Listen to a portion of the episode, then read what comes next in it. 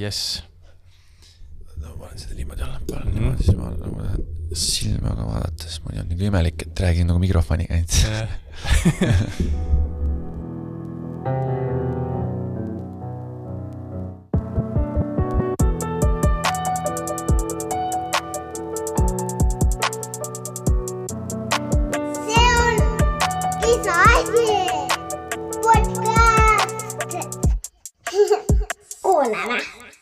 tere, mina Erik Remma. kuulate Isa asi podcasti ja täna on meil külas siis öö, kolme lapse isa ja võib öelda, et siis mees metsast ehk siis öö, Illimar Pilt. tere tere, tere, tere, tere, Erik. Ehm, kuule, selles mõttes, et äh, selline esimene küsimus või mõte, mis ma tavaliselt küsinud olen, selline soojendusküsimus. et, et kui ma selle mõtte välja käisin või kirjutasin sulle, et selline podcast, et isa asi, et mis, mis tunded või, või mõtteid see sul, sul tekitas? Äh, mul esimese asjana, et tore, et keegi ära on teinud. ei, isadusteemadest on räägitud küll, aga, aga niimoodi eklektiliselt, et täpselt nagu sihukest mm,, sihukest podcast'i ei, ei, ma küll ei ole tuvastanud Eesti, Eesti maastikul veel. ja, ja isadus on mulle väga südamelähedane teema, nii et eh, mul oli kohe, et eh, kui sa te, ütlesid, et kas tuleksid mm, Mhm. -hmm. oli ütleme, leiame sobiva kuupäeva ja teeme ära, et eh, väga hea meelega kohe lendasin peale. mm. -hmm. väga lahe.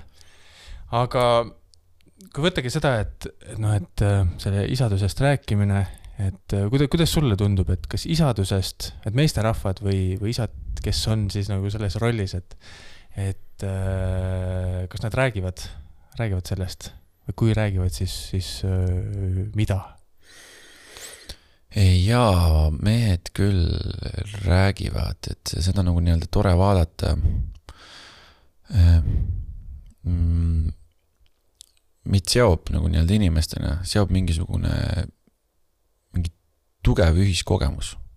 noh, näiteks eh, kui satuvad naised kokku eh, ja nad on emad, siis räägitakse sünnitusest. satuvad eh, viiekümnesed mehed kuskil kokku saunalavale onju, täiesti võõrad, pole üksteist näinud, siis räägitakse Vene sõjaväest, et see on nagu niisugune ühistugev niisugune läbielamine või kogemus, siis ma ise panin ka mingi moment tähele seda, et, et kui mu sõpruskonnas järjest hakkasid kõik isadeks saama, siis me ei, ei olnud enam põhiteemat selles, et kui palju keegi jõuab seal pitsi tõsta või, või mitu tundi tantsupõrandal möllata, onju.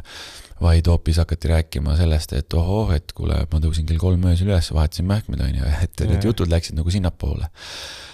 Aga niisugused nagu nii-öelda mm, sügavamad või niisugused kraapivamad teemad, võib-olla suhtedünaamika, et mis muutub eriti siis, kui on väiksed lapsed kodus, et -hmm. sul on ühe kuni kaheaastane laps, noh, null kuni kaheaastane laps, on ju. ja vaata nendest teemadest väga ei räägita, et eh, meestel on vaja võib-olla isegi rohkem seda turvaruumi kui naistel. et mehel on, me oleme kuidagi nagu nii-öelda õpetatud niimoodi, et mees ei nuta ja kannatab ära ja Eesti mees on ju.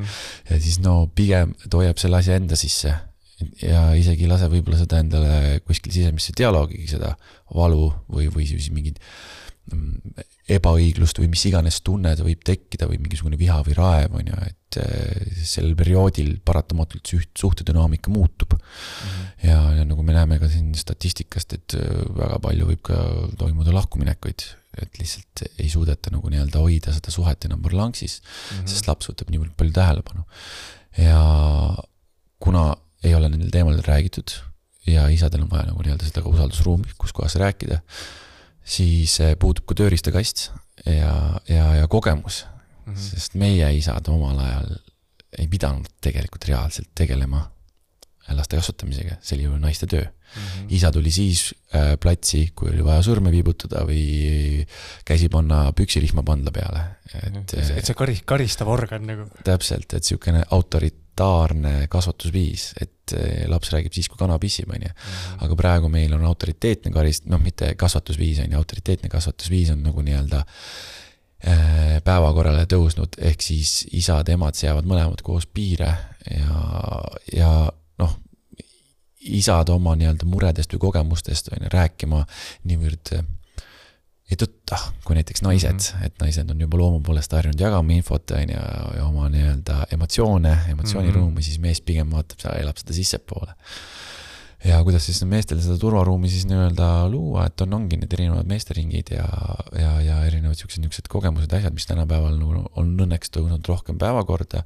või kasvõi siis see, et äh, sellised podcast'id mm, -hmm. et mhm. noh, loomulikult ma tean seda, et podcast'i täna kuulavad üheksakümne protsendi ulatuses naised, mehed siin väga ei satu, kui just mingisugune mm, nalja podcast pole või, või, või siis äh, või, või siis seal ei räägita ju spordist, on ju, et mm -hmm. siis on mhm. nagu keeruline seda meest sinna saada. aga naistel on päris suur võim, et ma usun, et saab sealt suunata suunata niimoodi jah, et kõrvast kinni võtta, et tule kuula natukene. jah ja tahtsin korra sinna jõuda, et mul jäi silma, et kui ma sinu kohta natuke uurisin, et äh, sihuke tore asi nagu papside klubi mm. -hmm. kas sa tahaksid seda natuke laiemalt rääkida või kas näiteks on seal tulnud ka, et ma saan aru, ütle, kui ma eksin, et seal on nagu põhifookus ikkagi lastele, tegevus nagu lastega.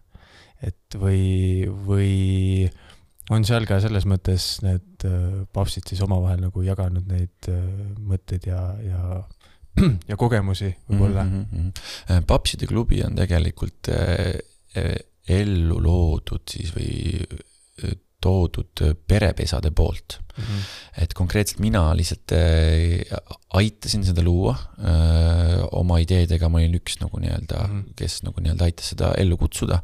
ja, ja selle vajaduse nagu nii-öelda ka esile tõi, et äh, nad on, nad on ma ei tea, kas Tall-, Tallinnas veel ei ole peres, aga nad on nii-öelda mm, Türil, Viljandis, Tartus kohe tuleb ja, ja, ja Põltsamaal.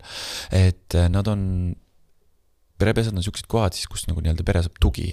et seal ei toimetata mitte, mitte isadega, mitte ainult emadega, vaid terve pere nagu nii-öelda, et kui sul on vaja näiteks laps, laps tuua hoidu mm -hmm. ja sul on vaja paar tundi kuskile ära olla, saad sinna tuua või on sul vaja mingisugust äh, toetust, et keegi psühholoog või keegi sinuga räägib, on ju, sa saad seda sealt, sealtkaudu nii-öelda võtta, et see nii-öelda luua see olukord, kus oleks nagu turvaline ruum. Ja siis loodigi siis Papside klubi. Ja see Papside klubi, ma ei mäletagi, mis ta oli kuuest plokist. Ja mina tegin siis nii-öelda ühe ploki seal.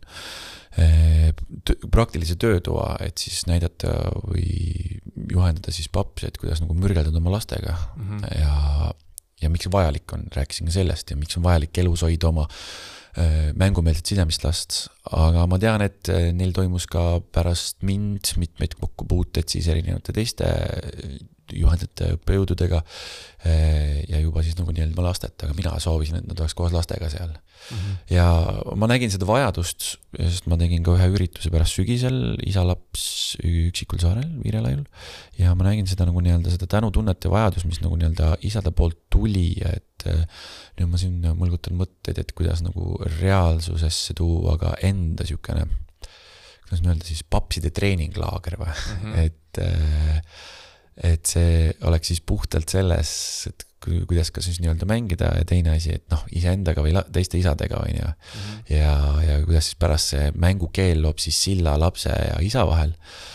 Äh, et ja miks see nii vajalik on ja teistpidi ka tekitada nagu nii-öelda sihuke usaldusgrupp ja need usaldusgrupid siis, et need mm -hmm. isad omavahel hakkaksid jagama siis oma. ideid ja mõtteid ja kogemusi. jah, ja mm -hmm. kõige tähtsam isegi mõtted ja kogemused on väga toredad, need tulevad lihtsamalt, aga just nimelt neid valusaid kohti. et need valusad kohad on meil vaja kõigil läbi käia, et see on paratamatult isadusteekonnal on kaasas. iseasi, kui palju me vastutust võtame selle eest eh, aga need valusad kohad on vaja läbi käia, sest üldjuhul ma ei ole nagu kuidagimoodi märganud, et siin elus see õppimine mingit teistmoodi käiks, et et sihuke läbi positiivse ja trillala-trillala on küll tore, on ju, et ma saan kogemust jagada, aga õppekoht ikkagi toimub läbi selle valusa momendi. või ongi jah, läbi eksimuste. läbi eksimuste ja, ja edu tuleb peale pingutust mm., et, et siis nagu nii-öelda luua sihukene asi, aga kuna energiaressursid on piiratud, siis, siis ma pean vaatama, kuidas ja millal ma selle ellu kutsun mm -hmm okei okay., kuule, selles mõttes sul on hästi lahedad mõtteid ja me kindlasti nendest mõtetest räägime veel, aga, aga tuleme korraks päris äh, selles mõttes sinu juurde.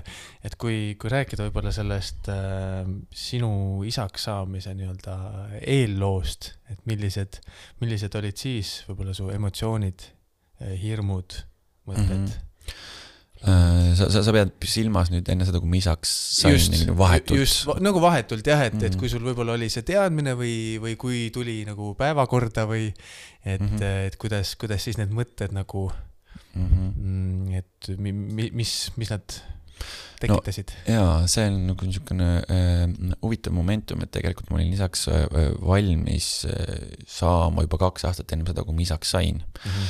Aga tolleaegse kaasaga ma ma ise tundsin seda, et absoluutselt kõik tool, toolne elu nagu nii-öelda kõik need peod ja asjad olid nagu nii-öelda ammendunud, et ma olen täheldanud, et sihuke tänasel päeval meesterahvastel ongi see vanus seal kakskümmend seitse, kakskümmend kaheksa, kus hakatakse siis nii-öelda paigale ennast sättima, et mm. et kus hakkab teatud energia otsa saama ja, ja sa hakkad veits nagu nii-öelda sügavamale vaatama ja, või tekib sihuke mingi teatud tunne, et nüüd on vaja veits maha rahuneda ja, ja ka mul toimus see rahunemine, aga sinna isaks saamiseni jõudsin siis äh, kaks aastat hiljem ja ma mäletan seda momenti, et ähm, tänase äh, laste emaga siis on ju, me olime ju kohe niisugune kümme aastat, eks ju, saame, aga tollel hetkel me olime pool aastat ainult koos olnud, Mm -hmm. aga tunne oli nii paganama õige. ja, ja siis see poole, pool aastat koos olnud ja siis ta tuli selle rasedustestiga, kus oli kaks pool aastat Mhm. riibu peal esimene tunne, mis mul oli, oli sihuke tunne, nagu ma oleks eh, taas mingisugune kuueteistaastane poisikene Mm -hmm. ja mõtlesin, mida ma nüüd vanematele ütlen. Oh my god, mis nüüd juhtus, ise olin kolmekümnene onju, oli kohe kolmkümmend saamas. Oh my god, mis nüüd juhtus, kuidas ma nüüd lähen emale-isale nagu ütlen, et nagu niukene. ja siis jooksis nagu nii-öelda maailm jooksis kokku, ma pesin just parajasti nõusid kraanikausis ja ma nägin, kuidas see kraanikauss muutus pisikeseks täpiks mul seal käte all, et see nagu käis siukene, siukene mingisugune tunnel nagu. ja siis järgmine moment, kui ma siis nagu nii-öelda ennast kogusin, sain aru, et nüüd ongi kõik. Mm -hmm. nüüd ongi kõik, et nüüd on see sõrmed püsti aeg läbi. nüüd ma hakkan saama meheks, Mm -hmm. et ma, ma tean, et meheks, see meheks saamise teekond kestab nii kaua, kuni lüüakse kirstulauad üleval kinni, onju, Mhm. aga äh, see on nagu nii-öelda kestev teekond. kuid just, et see samm sinna lähemale toimus sellel hetkel, sest sellel hetkel ma mõistsin, et miks tuli mul see tunnel ja see hirm korra peale, oli see, et ma pean hakkama nüüd vastutama. mm. -hmm. et ma ei vastuta ainult äh, noh, enda asjade eest, vaid nüüd mul on pere. ja nüüd ma vastutan oma tulevase lapse eest, oma naise eest ja oma pere eest. ja, ja see nagu nii-öelda tõi hästi kohale. Mm -hmm. Oli niisugune, muidugi järgmine moment oli, kallistasime ja olime väga õnnelikud selle asja üle, et see esimene niisugune vauh käis ära, onju, et ja, siis, siis edasi hakkas juba nii-öelda protsess teistpidi pihta. mm. -hmm. aga ma ütlengi, et noh, et sa siin tõid nagu selle paralleeli või, või noh, et ütlesidki, et noh, et see nii-öelda varasem eluetapp, et seal võib-olla oligi seda niisugust pidutsemist ja noh, et ei olnudki seda, seda, seda nii-öelda võib-olla vastutust, et kellegi teise eest, et et oskad sa veel nagu midagi välja tuua, et kuidas see varasem etapp ja siis see nii-öelda isaks äh,, isaks olemise esimesed sammud nagu erinesid veel või oli see nagu raske selles mõttes üle, üleminek loomulik või mm? -hmm. selles mõttes on ikka, et ma arvan, et see käib nagu nii-öelda kõigil rohelistel vanematel nagu nii-öelda läbi, et, et kui perre tuleb see pisikene, siis su mm. -hmm. maailm keeratakse totaalselt pea peale, et mm. -hmm. ta ei ole enam kunagi see, mis ta oli ennem, et, et kui varem oli, kui me kujutame seda nii-öelda suhet või peremudelit, siis niimoodi, et on- ta on niisugune ring, on ju, siis sa võid selle ringi pooleks tõmmata mm? -hmm. seal on mina ja siis on suhe, kus Mhm. ma saan energiat siis panustada. nüüd, kui tuleb see väike laps sinna perre, siis see ring jaotatakse kolmeks, see pirukas nagu jaotatakse kolmeks. ja sellest kolmveerand võtab ära see väike laps mm. -hmm. ja siis selle veerand, see veerandikene, mis sinna järgi jääb, see jaotatakse pooleks. siis oled sina ja su suhe Mm -hmm. et justkui nagu nii-öelda nagu sa tunned, et elu muutub drastiliselt, sa annad väga palju energiat sinna lapsele ja sa üritad kuidagi kaasat ka veel turgutada, sest naine ju muutub väga palju ja, ja, ja temale tuleb nagu justkui üks ihuliige juurde mm -hmm. ja värske isana on, eriti veel, kui sul pole antud kaasa seda õpikut või guidebook'i on ju, või raamatut. sa oled nagu natuke segaduses, mis toimub, kus mu mm. -hmm. sõbrad nüüd on, et miks ma enam ei saa oma hobidega tegeleda. oota, kus mul intiimsus jäi, mis on saanud sellest poodielust, miks me enam ei kallista, onju. Oh my god, miks ma nii väsinud olen, ma, ma pean mingi öösel siin üleval olema ja kõik siuksed nagu sa, ma kutsun seda kahte esimest aastat, kui laps on ka alla kaheaastane, kahte esimest aastat kutsun koomaperioodiks, sest vanemad justkui oleks nagu mingisuguses koomaeelses seisundis, nad panevad, kütavad nagu täiega energiaressurssi täna ma olen nagu juba äh, kogenud isa, et mul on kolm last, et mm. -hmm. äh, see koomaperiood läheb kogu aeg iga lapsega kergemaks. ja seda ei ole võimalik nagu nii-öelda äh, suures pildis kuidagi pehmemaks teha. on jah mm. -hmm. selles mõttes, et äh, aga sa saad lootust, kui sa suhtled teiste vanematega, kes olid mm. -hmm. rohelised või kes on juba kogenud vanemad. et see annab nagu mingisuguseid killukesi või sa tunned, et, et nagu noh, kui ma ise võrdleks seda äh, esimest last siis kui jalutuskäik pargis tänasel päeval onju. aga see tundub jube park vahepeal, sest mingid tormituuled, möllud onju. aga kui sa nagu nii-öelda teise lapse saad, siis see on nagu maraton. jah, ja, ja kui see on nüüd ja väga pikk maraton, sest on, noh, ma mõtlen nagu nii-öelda, kui lapsed tulevad järjest. et mitte ei jää suur vahe, meil on nagu kaheaastase vahega, et üsna Mhm. järjest tulnud. ja kui sul nüüd kolmas laps tuleb järjest sinna peale, siis ega see ei erine sellest maratonist, ta on ka samamoodi nagu maraton, Mhm. välja arvatud siis, kui nad otsustavad näiteks kolmekesi haigeks jääda või kolmekesi kasvukriisi minna ja nad ürit-, tavaliselt teevad seda tavaliselt nad teevad seda ja siis läheb nagu karauuliks. ja siis läheb kaardipakk nagu sassi. siis läheb karjuvaks asja, aga nagu esimene laps tuleb, siis äh, kõik asjad on esmakordsed ja kui see on esmakordne, siis äh, ongi kogu sinu maailm järsku Mhm. kukub kokku, onju. aga kui sa oled selle kogemuse kätte saanud, siis enam teist korda ei tundugi, noh, ma ei tea, a la esimest korda laps on kolmkümmend seitse ja kaheksa palavikus, mida me nüüd teeme, helistame kell kolm öösel perearstile, sõidame, ma ei tea, kuskile emad, vanaemad läbi, onju, mis nüüd saab, onju. täna on, ma ei tea, kolmas laps mul kolmkümmend üheksa palavik, vist peaks hakkama mõtlema selle peale, et helistame arstile, ei, kuule, võtame kehapalliks, võtad Jaa. üks-ühele kontakti, nii, vaatame jälgime, sest sul on nii palju kogemusi, sa võtad seda Mm. palju rahulikumalt, ei ole mingit paanikaruumi ja näed, kuidas sa iseenda keha soojusega suudad selle lapse nagu nii-öelda maha jahutada ja leiad, et oh my god, et mul ei olegi põhjust minna nagu Mhm. nii-öelda, ma saan usaldada ennast, aga noh, see töö on vaja ära teha, ega see muud üle ei jää. ja see on jah huvitav, sest äh, mul on endal samamoodi on tütar, kes on nüüd kahepoolene ja, ja poja, kes on, kes on pooleaastane, et Mhm. mm, et kuidagi ka pojaga tekkis see, mõtlesin, kas mul on nagu midagi viga või, või mis värk on, aga siis ma sain ka aru, et see on see kogemuse värk, et kui tütrega oli ka, et alguses, et noh, et hästi hellalt, et äkki ta läheb katki või, no pojaga oli juba lihtsam, et ongi, et noh, ma tean, et ega ei juhtu nagu midagi, et ongi, möllad ja paned riidesse ja kõik on nagu käib tšah-tšah, et et, et jah, sihuke huvitav, et siis ma mõtlesin ka, et okei okay,, et et ju see siis on nagu see kogemuse värk, Mhm. et, et jah.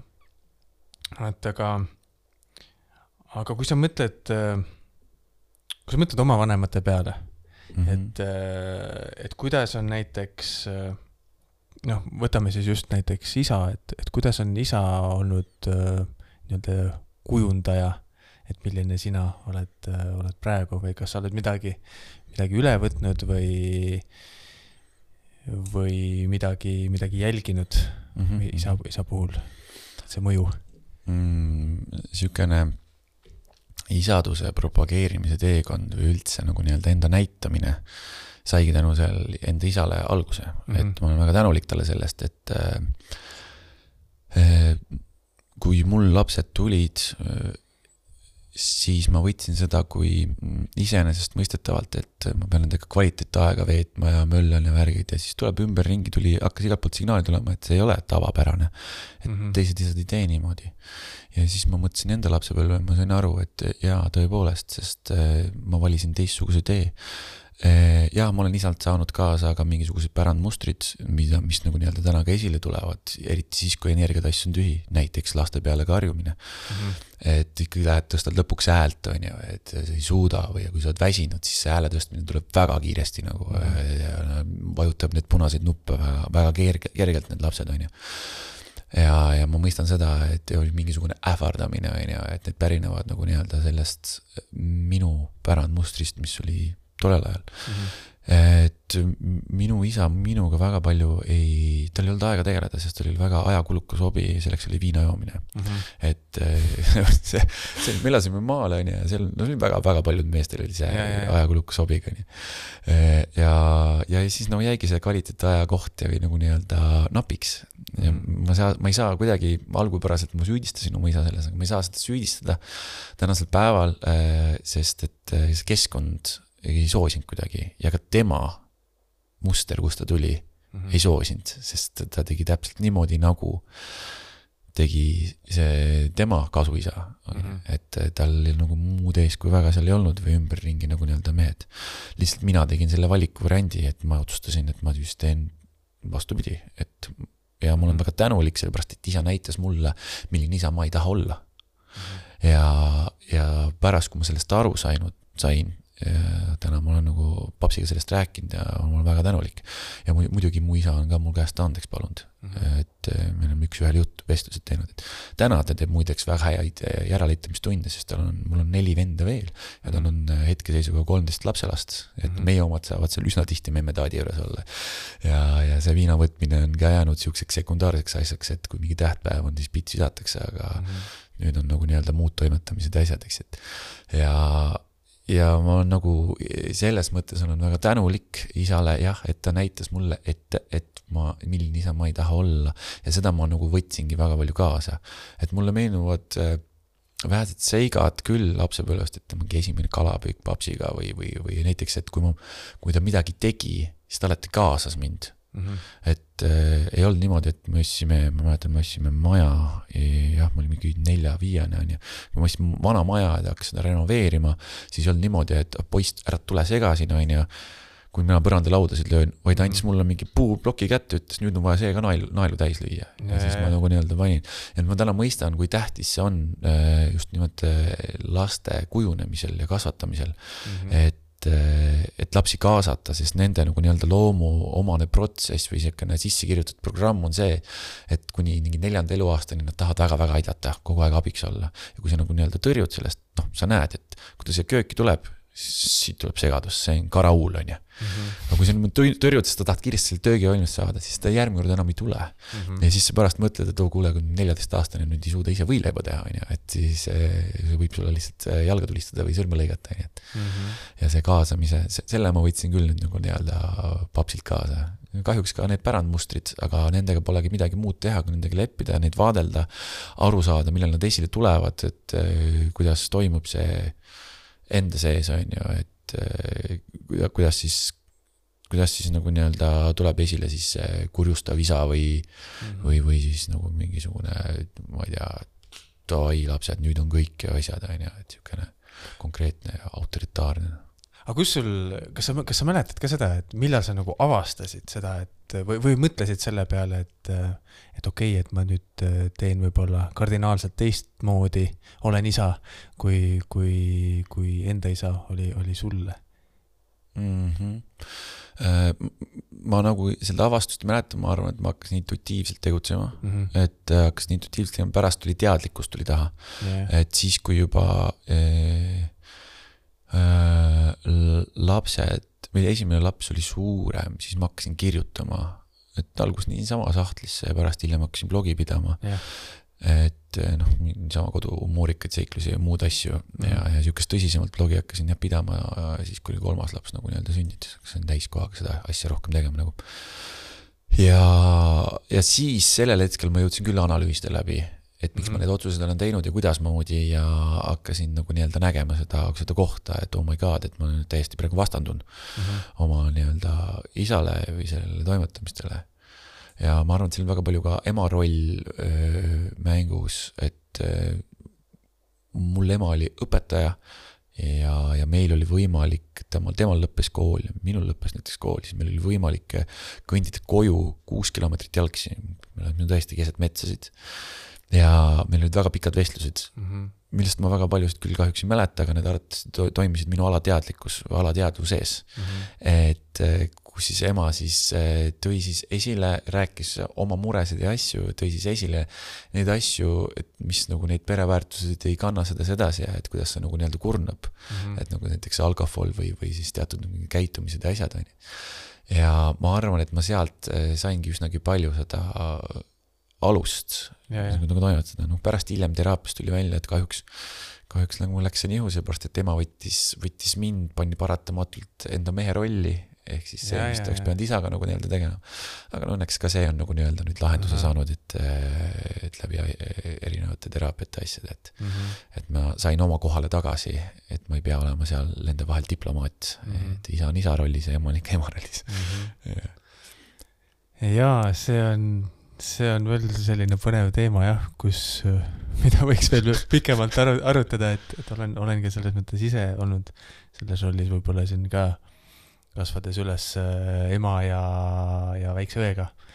et, et see sihuke ro- rolli küsimus, et mis rolli ma siis nagu täidan või noh, et kui ongi see noh, võib-olla põgusalt puudutada, et, et, et kus ma ise tundsin ka, et, et, et võib-olla noor, noore mehena, et, et kus ma tundsin võib-olla oma õe ees, et ma pean võib-olla seda isa rolli täitma või et, et võib-olla hiljem jah, ise aru saades, et noh, et see on nagu noh, nonsense.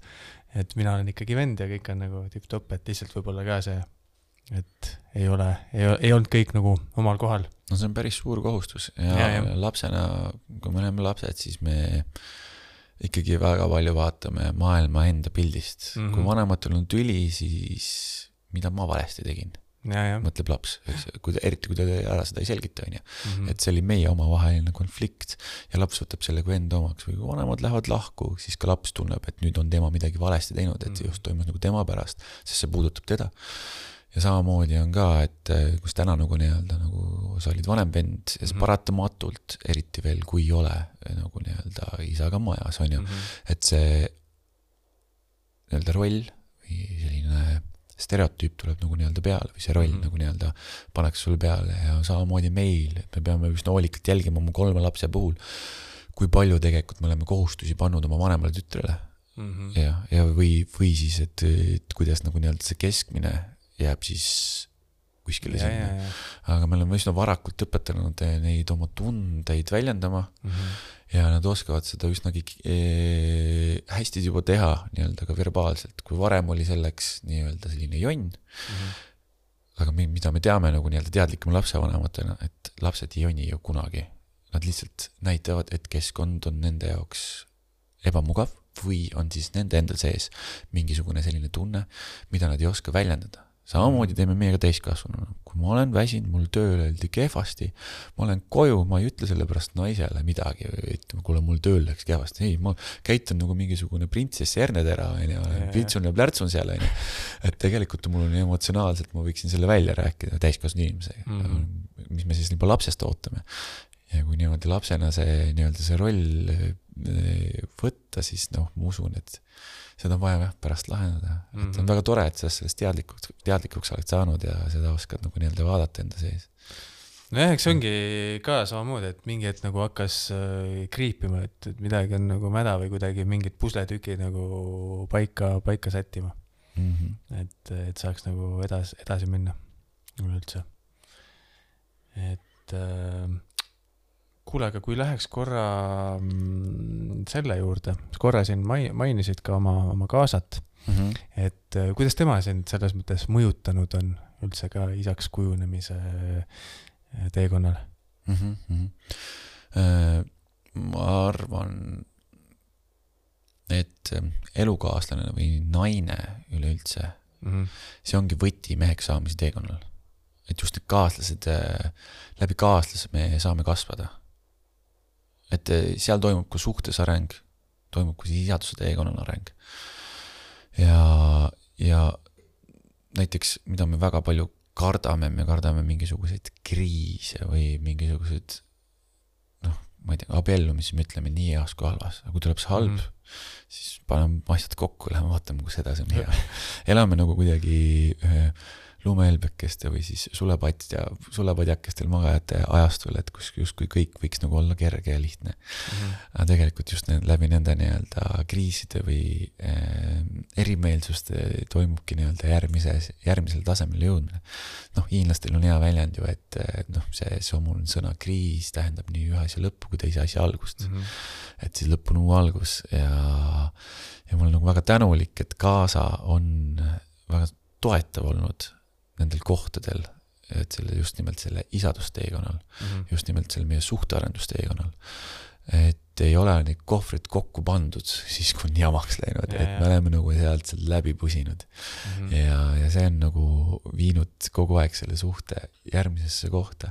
ja tänasel päevalgi, et näiteks temal oli ideaalne lapsepõlv, Mhm. tal oli selles mõttes ideaalne lapsepõlv, et äh, ta ei näinud, kui ta vanemate eest ülitsesid. Mhm. temal oli hea laps, ta ei vastandunud, tõi koju viisi, oli tubli. ta oli selleks vanem vend, kes kõva töö ära tegi ja ta ei pidanud nagu nii-öelda selles mõttes tegema. aga mis siis juhtus, kui ta sai täiskasvanuks, kui ta sai, kui me saime siis neile esimese lapse. ja kui see esimene laps jõudis esimesse kasvukriisi, siis temal hakkasid vahepeal maailmad kokku jooksma, sellepärast et tekkis konflikt ja ta polnud õppinud konflikti lahendama. Tekkis konflikt ja mina sain vahepeal endale siukse toreda vahva rolli, et kus sai tema siis enda murdeiga välja elada. ehk siis ta sai mulle vastanduda. mina, elukaaslane pidin olema tal vahepeal nagu nii-öelda isa eest. ja see oli nagu nii-öelda lahe koht, et äh, mida nagu siis äh, nagu vaadata seda arengut. ja, tänasel päeval me oleme siis jõudnud niimoodi, et kus me teame, et see konflikti lahendus või konflikti teke, me ei peida seda laste eest. Mhm. sest see on nii vajalik, et nad näeksid, kuidas me jõuame selle lahenduseni. kuidas toimub see konflikti struktuur, kuidas algus löövad need Läänemere lained kokku, kuidas võetakse välja kogu relvaarsenal, tulistatakse üle üksteist mingisugune verbaalse öö, sunniku hunnikuga, onju. Mhm. ja, ja, ja kuidas toimub siis see, et kuidas kellelgi hakkab tuli põlema olema, emmal kummal. et oh, kuule, me peame jõudma neutraalsele pinnasele. Mhm. siis lapsed vaatavad kõrvalt, oot-oot-oot-oot-oot-oot. Nad läksid nagu tülli ja, ja. midagi, midagi nagu teistmoodi, et kui me lasteaias tülli läheme mingi Lego pärast, siis ma virutan selle Lego klotsidele pikki pead, onju, Ahah. ja see on nagu korras, onju. oota, aga need läksid tülli ja nüüd järsku üks ütles nagu teisele, et oo oh,, kuule, hingame korra, et meil pole kummalgi üht, ühtegi head sõna praegu öelda, et lihtsalt hingame korra Mhm. ja vaatame, proovime jõuda neutraalsele pinnasele, et me rahuneme maha. vaatame, mis siis saama hakkab. oh, mis asja nad teevad, nad hingavad või? ohoh, päris põnev, päris põnev. ja siis, kui nad on hingama hakanud ja jõutakse neutraalsele pinnasele, lastakse natuke aega seda sättima, siis me hakkame peegeldama, Mhm. mis tunnet me tundsime parajasti just sellel momendil.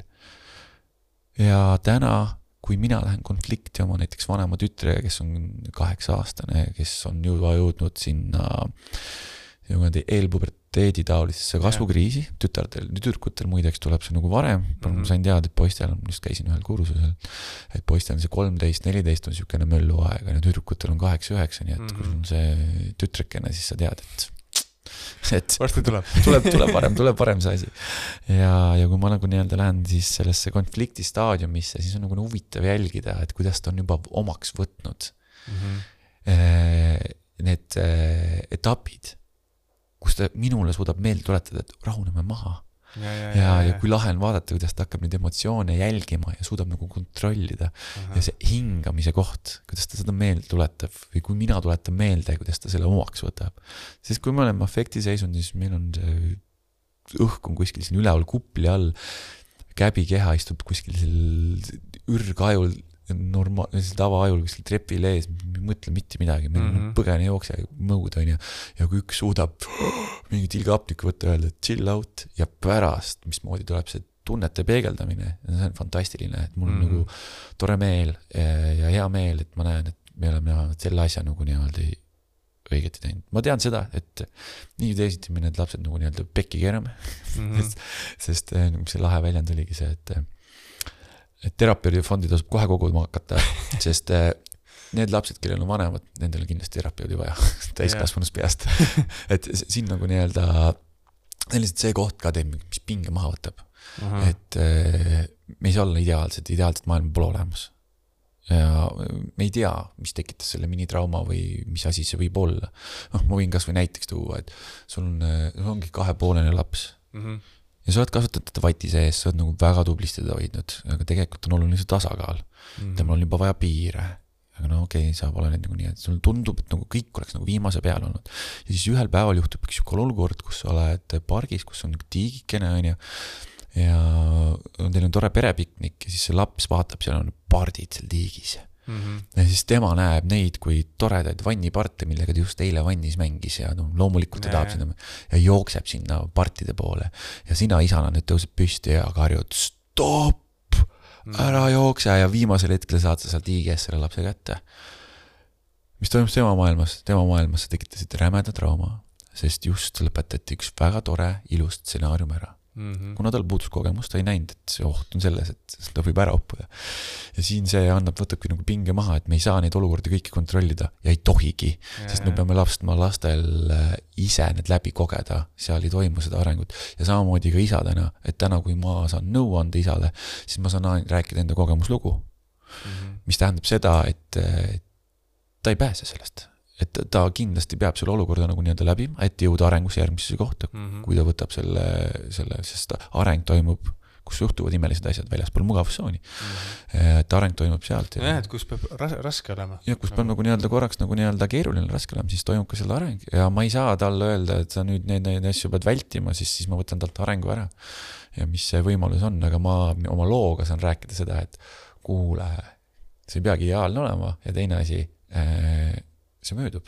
et, Mhm. et, et see, et sellest pole hullu midagi, lihtsalt see etapp tuleb läbida Mhm. ja see annab nagu nii-öelda, uh, kuule, et kuskil ikkagi kuskil valgust paistab. jah, täpselt. ei pull jaa, või no üldse jah, et, et ise, ise ka nagu märgata mingeid asju, et kasvõi noh, korraks oli juttu, et noh, et, et see areng toimuks, et siis peab raske olema. Mhm, et kus ma ka kodus tundsin näiteks sellist asja, et tütar nagu ronib meeletult igale poole, onju. et, et kui ka võib-olla kaasa, et kogu aeg, oo, et ära roni, et ära roni, see sinna ei või, et või kuskil külas ka, et oo, et noh, et aga see ongi see, et noh, et aga noh, et kui ma olen seal juures ja jälgin, et noh, et las ta, las ta ronib, et noh, et vaatame, kuhu, kuhu ta läheb või et et äh, muidu hiljem ongi see, et noh, et ükskõik kuhu noh, kuhu ronida, et siis, siis kukubki alla nagu, et kui ta, kui ta ei harju, harjuta ju selles mõttes. täpselt. ja et kukkumine on väga vajalik, me ise teeme nagu metsa sünnipäevasid, siis on nagu lahe Mhm. vaadata seda isa-tema dünaamikat. aga mis ma tahan öelda, et kui sa ütlesid, läbi raskust kogu aeg peab raske, me ei pea, et Mhm. see peab olema tasakaalus. no, et jah, need, need nagu lihtsalt seda raskust ei tohi karta, Jah. et nagu nii-öelda sellest tuleb läbi minna, aga vahepeal peab puhkama Mhm. ka. Aga just nagu nii-öelda emade-isade seda äh, momentumit vaadata siis, et äh, naised paratamatult on need, kes nagu loovad selle turvaruumi sellele mm -hmm. lapsele. ja loomulikult nad suudavad mõelda palju kiiremini rohkem need stsenaariumid ette. no mm. -hmm. näiteks võtame, et laps ronib puu otsa ema on kõrval, emal on just tule alla, juba käed-jalad värisevad, mis sa teed, ära jama, onju. temal silme ees on juba, kuidas ta Mustamäe haiglasse taga EMO-sse sinna lapsega sõidab, kaks lahtist käelumurdu. ja siis tuleb kõrval isa, kuule Juss, võta üks oks veel, see pole väga pehkinud, onju. ma püüan su enam-vähem kinni praegu siin. et äh, siin on see isa koht, et äh, kui ema õpetab nagu nii-öelda seda turvalisust ja hellust ja Ja, hoitust, siis isa saab anda lapsele edaspidi eh, selle koha, kus lapsel on julgus võtta neid riske, Mhm. seda, seda adrenaliini saada, julgus proovida mingeid uusi asju, julgus piire ületada Mhm. ja se- seda on nagu nii-öelda vaja kon- noh, eeskujuga nagu nii-öelda näidata, et, et ega see isadus nagu või üldse laste kasvatamine on üks eh, imepäraselt lihtne asi eh, niisugune esimene kümme aastat ma ei, ei ole ta nagu nii üüberkeeruline miskit mm, -hmm. ma võin nagu seda öelda. et loomulikult tuleb niisuguseid raskemaid momente ette ja erinevaid nüansse, aga kokkuvõttes tegelikult lapsed sünnivad selle puhta vihikulähena. Mhm. ja meie vanematena hakkame seda täis kirjutama. peale kümnendat eluaastat juba tulevad need tugevamad sõprussuhted ja erinevad keerulise dünaamikaga suhted, hakatakse katsetama piire, mis on kodus Mhm. seotud, hakatakse väljaspool kodu katsetama. Aga nüüd kodus, mis nii-öelda toimus, lapsevanem kirjutab seda vihikut koos selle lapsega täis. ehk siis äh, laste kasvatamine, ma olen seda ka nagu rääkinud nendel metsasünnipäevadel või mm. -hmm. või üldse mujalgi, on selles mõttes väga lihtne asi, et neid ei pea niivõrd kasvatama, kui neile peab olema eeskujuks. Mhm. ja see on kõik. et kui sa tahad ja sa soovid, et su laps oleks julge, enesekindel, ta julgeks elus võtta neid riske, edumeelne, siis sa pead Mhm. täna olema see inimene. kui tahad, et ta oleks sportlik eh, või toituks tervislikult, siis kuidagimoodi sa ei kirjuta seda vihikusse niimoodi, kui sa istud ise teleka ees, ei viitsi trenni minna või, või jalutama kuskile parki ja virutad Hesburgerit näost sisse mm, -hmm. siis Mhm. paratamatult sa kirjutad hoopis teise loo sinna. ja tahame või ei taha, et me võime öelda, et kuule, näiteks ma ei tea, ma olen hea näite toonud seda, et kui vanem ütleb lapsele, et oh, sul on nutiaeg läbi, kõik, Mhm. enam rohkem ei saa, ei või siin tela, telot vaadata, onju. aga samal ajal ise vaatab Instagramist, oo näed, Kalle on siin uue paadi ostnud, lahe Ja, like, onju. siis nagu lapsele ei joone see kohale, et mis, mis toimub, onju, ja et kuidas, kuidas just niimoodi siis see asi käis, et sa näitasid just talle eeskuju. et sa jätkad seda teekonda To- topeltstandardid. topeltstandardid ja, ja siis seal kohas nagu nii-öelda see, selle niimoodi rollimudeli mängimine ja, ja, ja just nagu sa välja tõid selle, et selle nagu nii-öelda turvaliselt lasta Jaa. tal kukkuda, sest näiteks mm -hmm. me isegi õpetame lapsi kukkuma. see on nii vajalik, sellepärast et sul on vaja vahepeal kogeda ka mitte ainult kogu aeg supelda seal edutundes, vaid vahepeal Mhm. tundagi seda, et nüüd ma fail isin. et mismoodi ma selle tundega hakkama saan.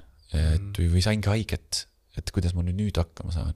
ja isad on selles mõttes väga suurepärased äh, eeskujud äh,, õpetajad, aga nüüd on ka see koht, et mis pärandmustriga me kaasa tuleme mm. -hmm. näiteks minul oli see värk, et mul on neli vanemat venda ja ma alles kolmekümne viieselt sain aru, et äh, valust võib läbi minna, sellepärast et mina teadsin, et mehed ei nuta Mhm. poisid ei tunne valu. meie kõige lähem niisugune äh, armastuse väljend oli kodus see, kui ma sain ainult ühe puuka nagu niimoodi päevas onju mm. Mhm. või siis mind riputati ainult korra kuskile trussikute vahel nagisse, sest ma olin kõige väiksem vend onju, et see on ikka nagu mingisugust pasteerimist ma sain, eks ju ja, või kui põlve puruks kukkusin, ega siis nagu keegi ei tulnud siin mingit lohutama või, vaid mis sa ulud siin, mehed ei nuta, Mhm. onju, pane endale teeleht peale ja lähme edasi, eks ju.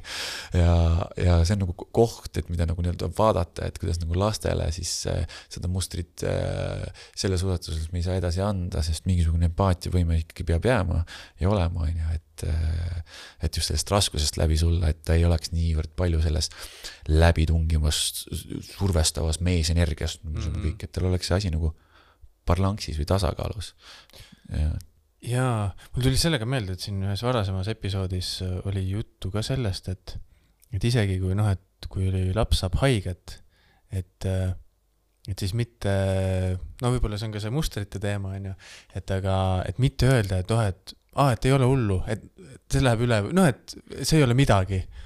et siis ka nagu noh, et laps saab aru, et aa, et see, see ju, noh, et minu valu, et see ei ole midagi, see ei, ei tähenda, et et kuidagi hästi-hästi põnev, et noh, et ollagi, et kui, et olla nii lapsega nii rõõmudes kui siis äh, murekohtades või va valus nagu koos, et noh, et ongi, et kui said haiget, kus sa said haiget, et noh, et ongi nii-öelda lahata seda teemat, et, et noh, et see valu, et see on nagu päris asi, mm et millega noh, et ongi nagu sa ütlesid, et tuleb nagu läbi, läbi teha -hmm. ja hea trikk on ka see, et Jah. mida väiksem see laps on mm. -hmm. siis tegelikult äh, noh, no alla, alla kolmeaastased Mm mm, -hmm. siis tegelikult äh, tasub selle kohta küsida.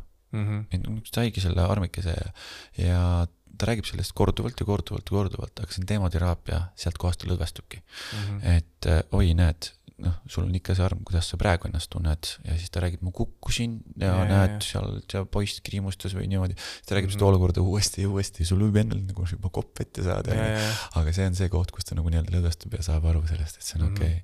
et noh, meil on ka samamoodi kodus, et kui mingisugune jama või mul oli alguses seda keeruline võtta, Mhm. sest eh, aga siinkohal nagu, kui sa ennem küsisid, kuidas mu kaasa mind on õpetanud Jah. siis ta õpetas ka mind, et eh, puh, pikki kukalt, kuule see tütar sai haiget.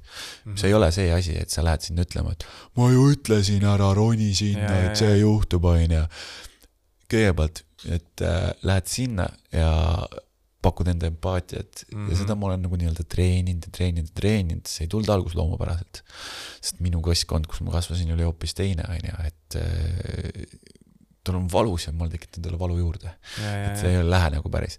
muidugi me pärast räägime selle olukorra läbi, et kuidas oleks saanud seda situatsiooni siis mm. -hmm. analüüsime uuesti, et kas on mõistlik järgmine kord, ma ei tea, elutoa lambi otsas rippuda ja kummitarsanit mängida, onju, et kui see alla kukub siis tekitab mingit jama, onju.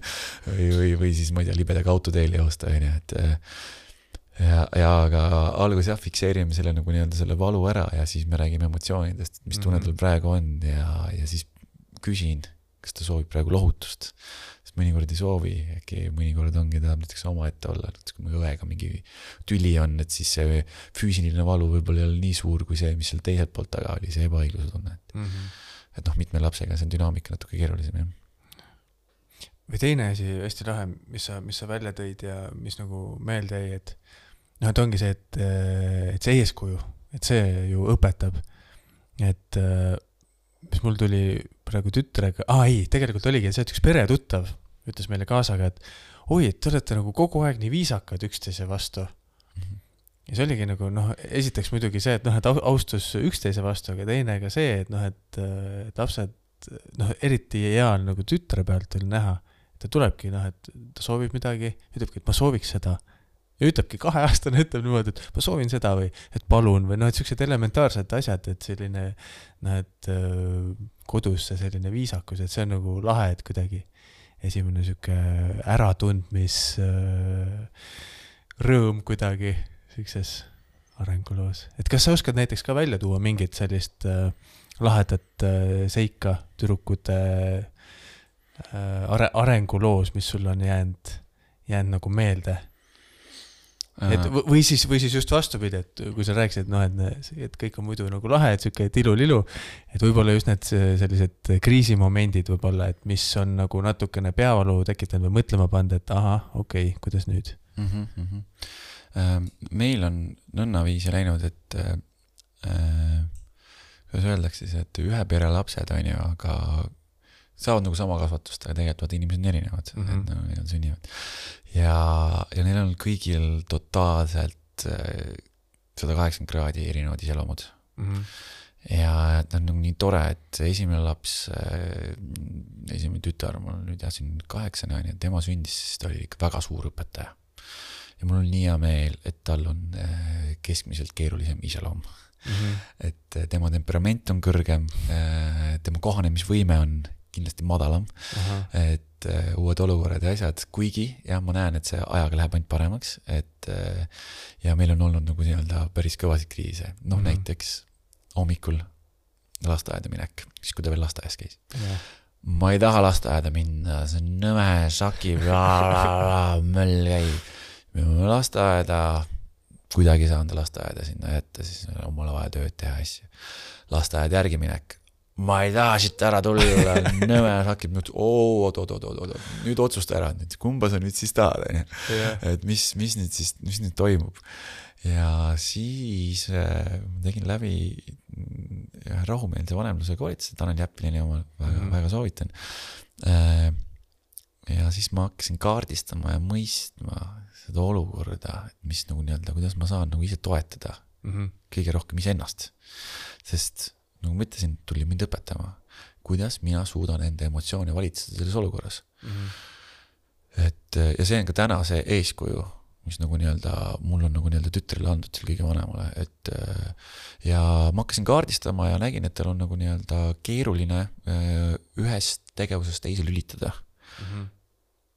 lasteaeda minekuga me hakkasime varem algust tegema, et äh, juba varem panime mingid asjad valmis ja, ja ütlesin, no kuule, nüüd on varsti aeg minna, et kuule, aga tead, ma ei tea, paneme praegu papud jalga, nüüd on, ma ei tea, peseme, peseme möödamine sambad ära ja läks nagu veits sujuvamaks.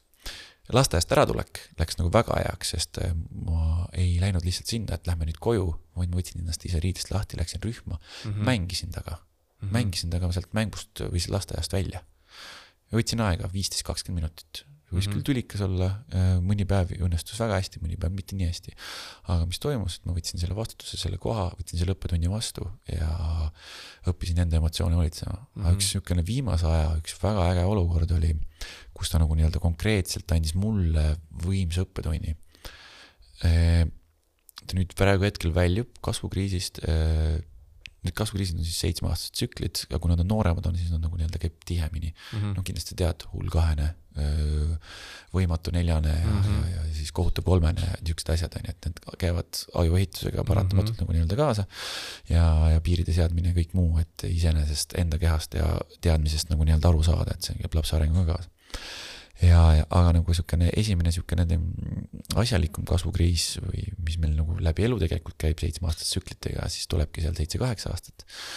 ja, ja seal hakkas pihta siis nii-öelda vastandumine äh, emale mm. Mhm. -hmm. et nagu nii-öelda puberteedis seda on vaja nagu nii-öelda teha, et siis eelpuberteedis samamoodi. ja tekkis siis üks olukord, kus äh, tuli juba keerulisem äh, äh, suhteteema tuli nagu nii-öelda sisse, tekkis armukolmnurk siis minu tütrel äh, naabritüdruku ja ühe Mhm. teise naabritüdrukuga.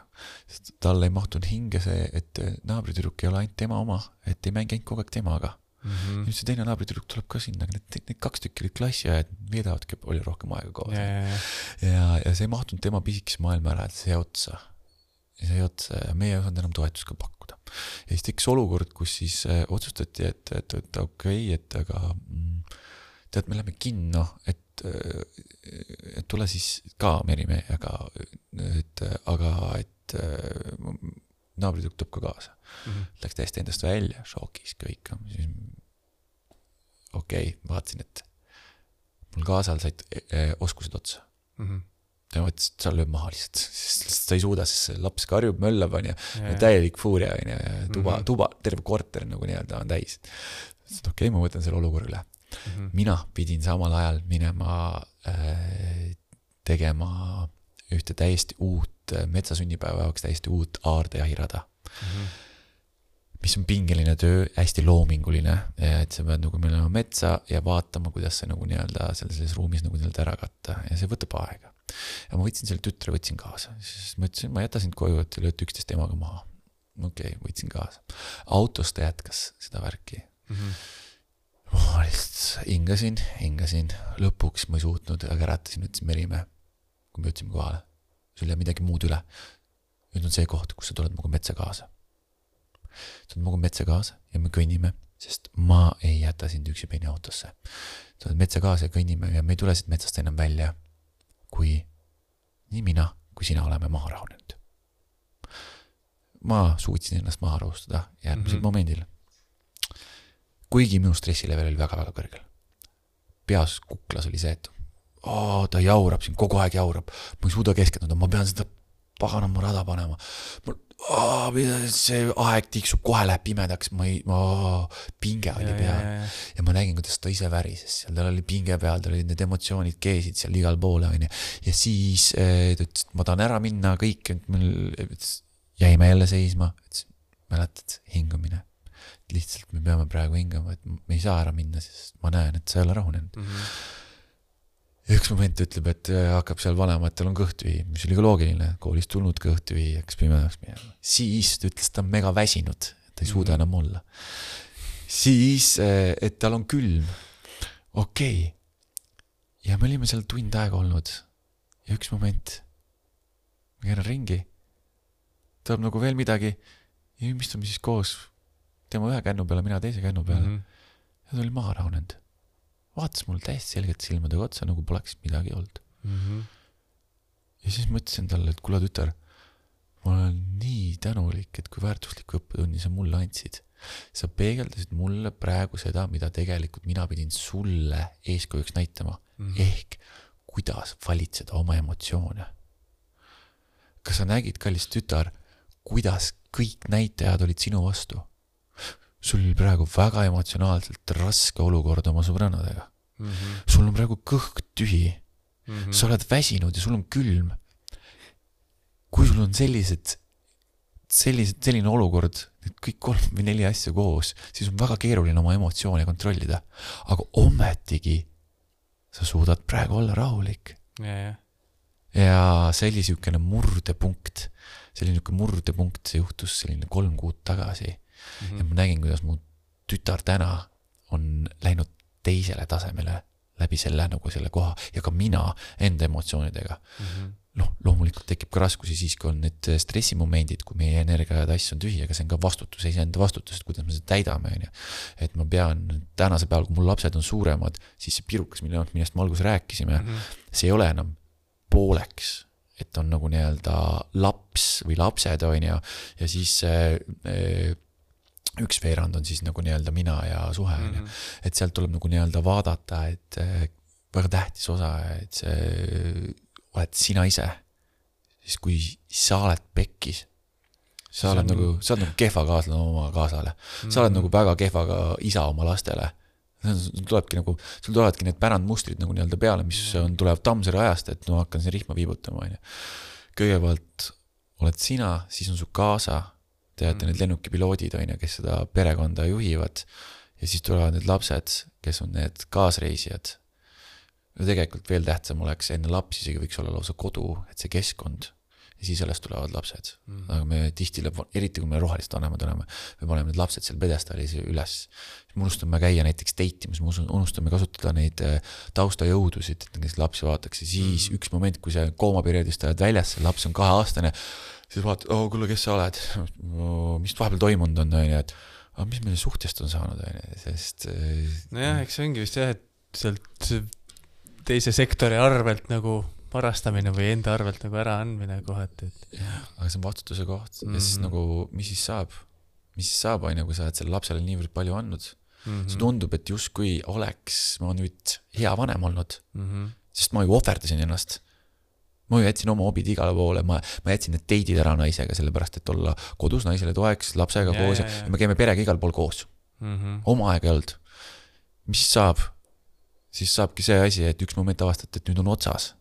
arengut ei ole, midagi ei ole, see kardiogramm seisab, tasakaal. noh, millal inimene jõuab oma elus tasakaalu, on siis, kui tal süda seiskub. Nagu vaata see kardiogramm mm. -hmm. siis on tasakaalus. me nagu kogu aeg ajame seda tasakaalu taga ja püüdleme. aga tegelikult ta käibki vaata niimoodi üles ja alla, üles ja alla, sellepärast ei Mhm. tohigi karta neid nagu nii-öelda tumedat poolt, sellepärast et see loob väärtuse sellele eredale poolele ja, ja see samamoodi nagu suhtesse vastutuse võtmine iseenda eest. mina olen läbi põlenud, ma olen läbi põlenud isa ka olnud, Mhm. et äh, selle isaduse teekonnal, et kus ma ei ole vastutust võtnud enda peale, see läheb, lipsab niimoodi mopsti käest ära, onju, et äh, kui ma lihtsalt, ma tunnen, et see mult võtab rohkem ajaressurssi, kui ma lähen oma kaasale, ütlen, et ma pean nüüd üheks ööks metsa minema. see tundub talle nagu, mis mõttes ma jään kolme lapsega siia koju Mhm. mis, mis nagu toimub, on ju, et see, see tundub nagu nii keeruline mm. -hmm. ja teiseks, tal, tal puudub ka arusaam sellest, et kuna tema energiatassi täitmine ei käi sedamoodi nagu mul. Kui minul on vaja olla üksipäini, olla keset seda loodust mm -hmm. või jalutada, midagi siukest, siis temal on näiteks vaja hoopis just seltskonda. tal on vaja seda naistega seal pläkutada või jagada oma emotsioone või siis ollagi mingi rahumeelselt koos oma mehega date'il, on ju, see on tema Jaa, tassi täitmine ja siis mahtun, mahutun, mahtun tema kogemusse, aga ometigi, kui ma lõpuks vaatasin, et ma olin täiesti läbi põlenud depressiooni äärel, on ju, ja ja nagu see asi nagu kuskile ei lähe, et ma olen nüüd, nüüd nagu naise ja laste peale nagu väga palju karjunud ja ma olen nagu vastikuks inimeseks saanud mm. -hmm. iseenda oma e- elukaaslase laste vastu. lihtsalt võtsin selle koha ja sõitsin sinna metsa. Mhm. jah, tulin tagasi ja ma olin teine inimene ja mu kaasa nägi seda. Mhm. ja sealt kohast nagu nii-öelda hakkasin seda asja rohkem uurima ja täna ma nagu nii-öelda näen, mida ma nagu nii-öelda noortele või värsketele vanematele soovitan, et kui te tahate, et teie lastel oleks normaalsed vanemad ja ta kasvaks ägedalt, onju, please võtke enda suhte jaoks aega nui neljaks, kasvõi kord kuus iseenda jaoks. või siis ongi nagu see, et sa väga laheda selle topsi täitmise paralleeli tõid või kasvõi ongi see, et omavahel kaasaga suhelda, et noh, et mis see on see, mis see topsi täidab mm -hmm. nagu. ja siis on juba ka see arusaamine, et, et kuidas, kuidas neid täita ja olla, olla parem. mm. -hmm. täpselt ja see on jälle eeskuju koht ka lastele, et kuidas Mhm. nemad saaksid leida siis selle koha. Ähm, jaa. kas oskad, oskad välja tuua mingid sellised äh, põhimõtted äh, mm, siis sinu isaks olemise äh, põhimõtted, Mhm. et kas sul on mingid sellised kardinaalsed või noh, mingid sellised tugisambad mm -hmm. või mingid, mingid mõtted? Eh, jaa, et eh, ma, olen nagu, selles mõttes ma ei ole nagu sul niisugune väga pehmo isa, Mhm. et äh, aga noh, näiteks konkreetne põhimõte ongi see, et et ma ei tõsta kätt oma naise või laste vastu mm, Mhm. -hmm. et see on nagu nii-öelda vajalik, aga äh, on ka see, neid kohti, kus ma pean häält tõstma või kasutama äh, mingisuguse piirangu sead-, seadmisi, on ju, et mm, Mhm. -hmm. et nagu, et lapsi ei tasuks ähvardada, on ju, aga neid tasub hoiatada. ähvardus, mis asi on ähvardus, on see, et see on põhimõtteliselt katteta lubadus siis või? Mhm. et ähvardus on see, et kui sa praegu tuba ära ei korista, sa ei näe mitte kunagi multikaid. Mhm. mina ei usu seda, laps ei usu seda. see nagu ei toimi ja sinu piir nihkub kaugemale. Mhm. aga kui sa hoiatad, palun väga, kui sa oma praegu tuba ära ei korista, mis me oleme rääkinud pikemat aega, siis juhtub see asi, et täna mitte mingeid multikaid ei tule ja ongi Mhm. see on kõik juba reaalne. ja see on reaalne ja sa teed selle ühe- ühe-kaks korda ära, see toimib. et see on nagu nii-öelda üks põhimõte ka, et see mm, ja muidugi, miks üks põhimõte ka see, mis meil nagu nii-öelda kandub, on teatud pereväärtused, mis me nagu nii-öelda edasi anname. et noh, a la, et oleme mingi lahendust orienteeritud, proovime neid asju lahendada ilma vägivallata, loomulikult lastel läheb seal käest ära ja kellel oleks Mhm. läheb pikki pead, onju. ja et kuidas me eh, näeme ka negatiivsetest asjadest positiivsust, et eh, mismoodi me suudame enda emotsioone kontrollida, no muidugi värviliselt käime riides, see nagu käib ka seal seejuures nagu nii-öelda, aga kas ta nüüd nagu nii-öelda põhimõtetega on? Jah see värk, et,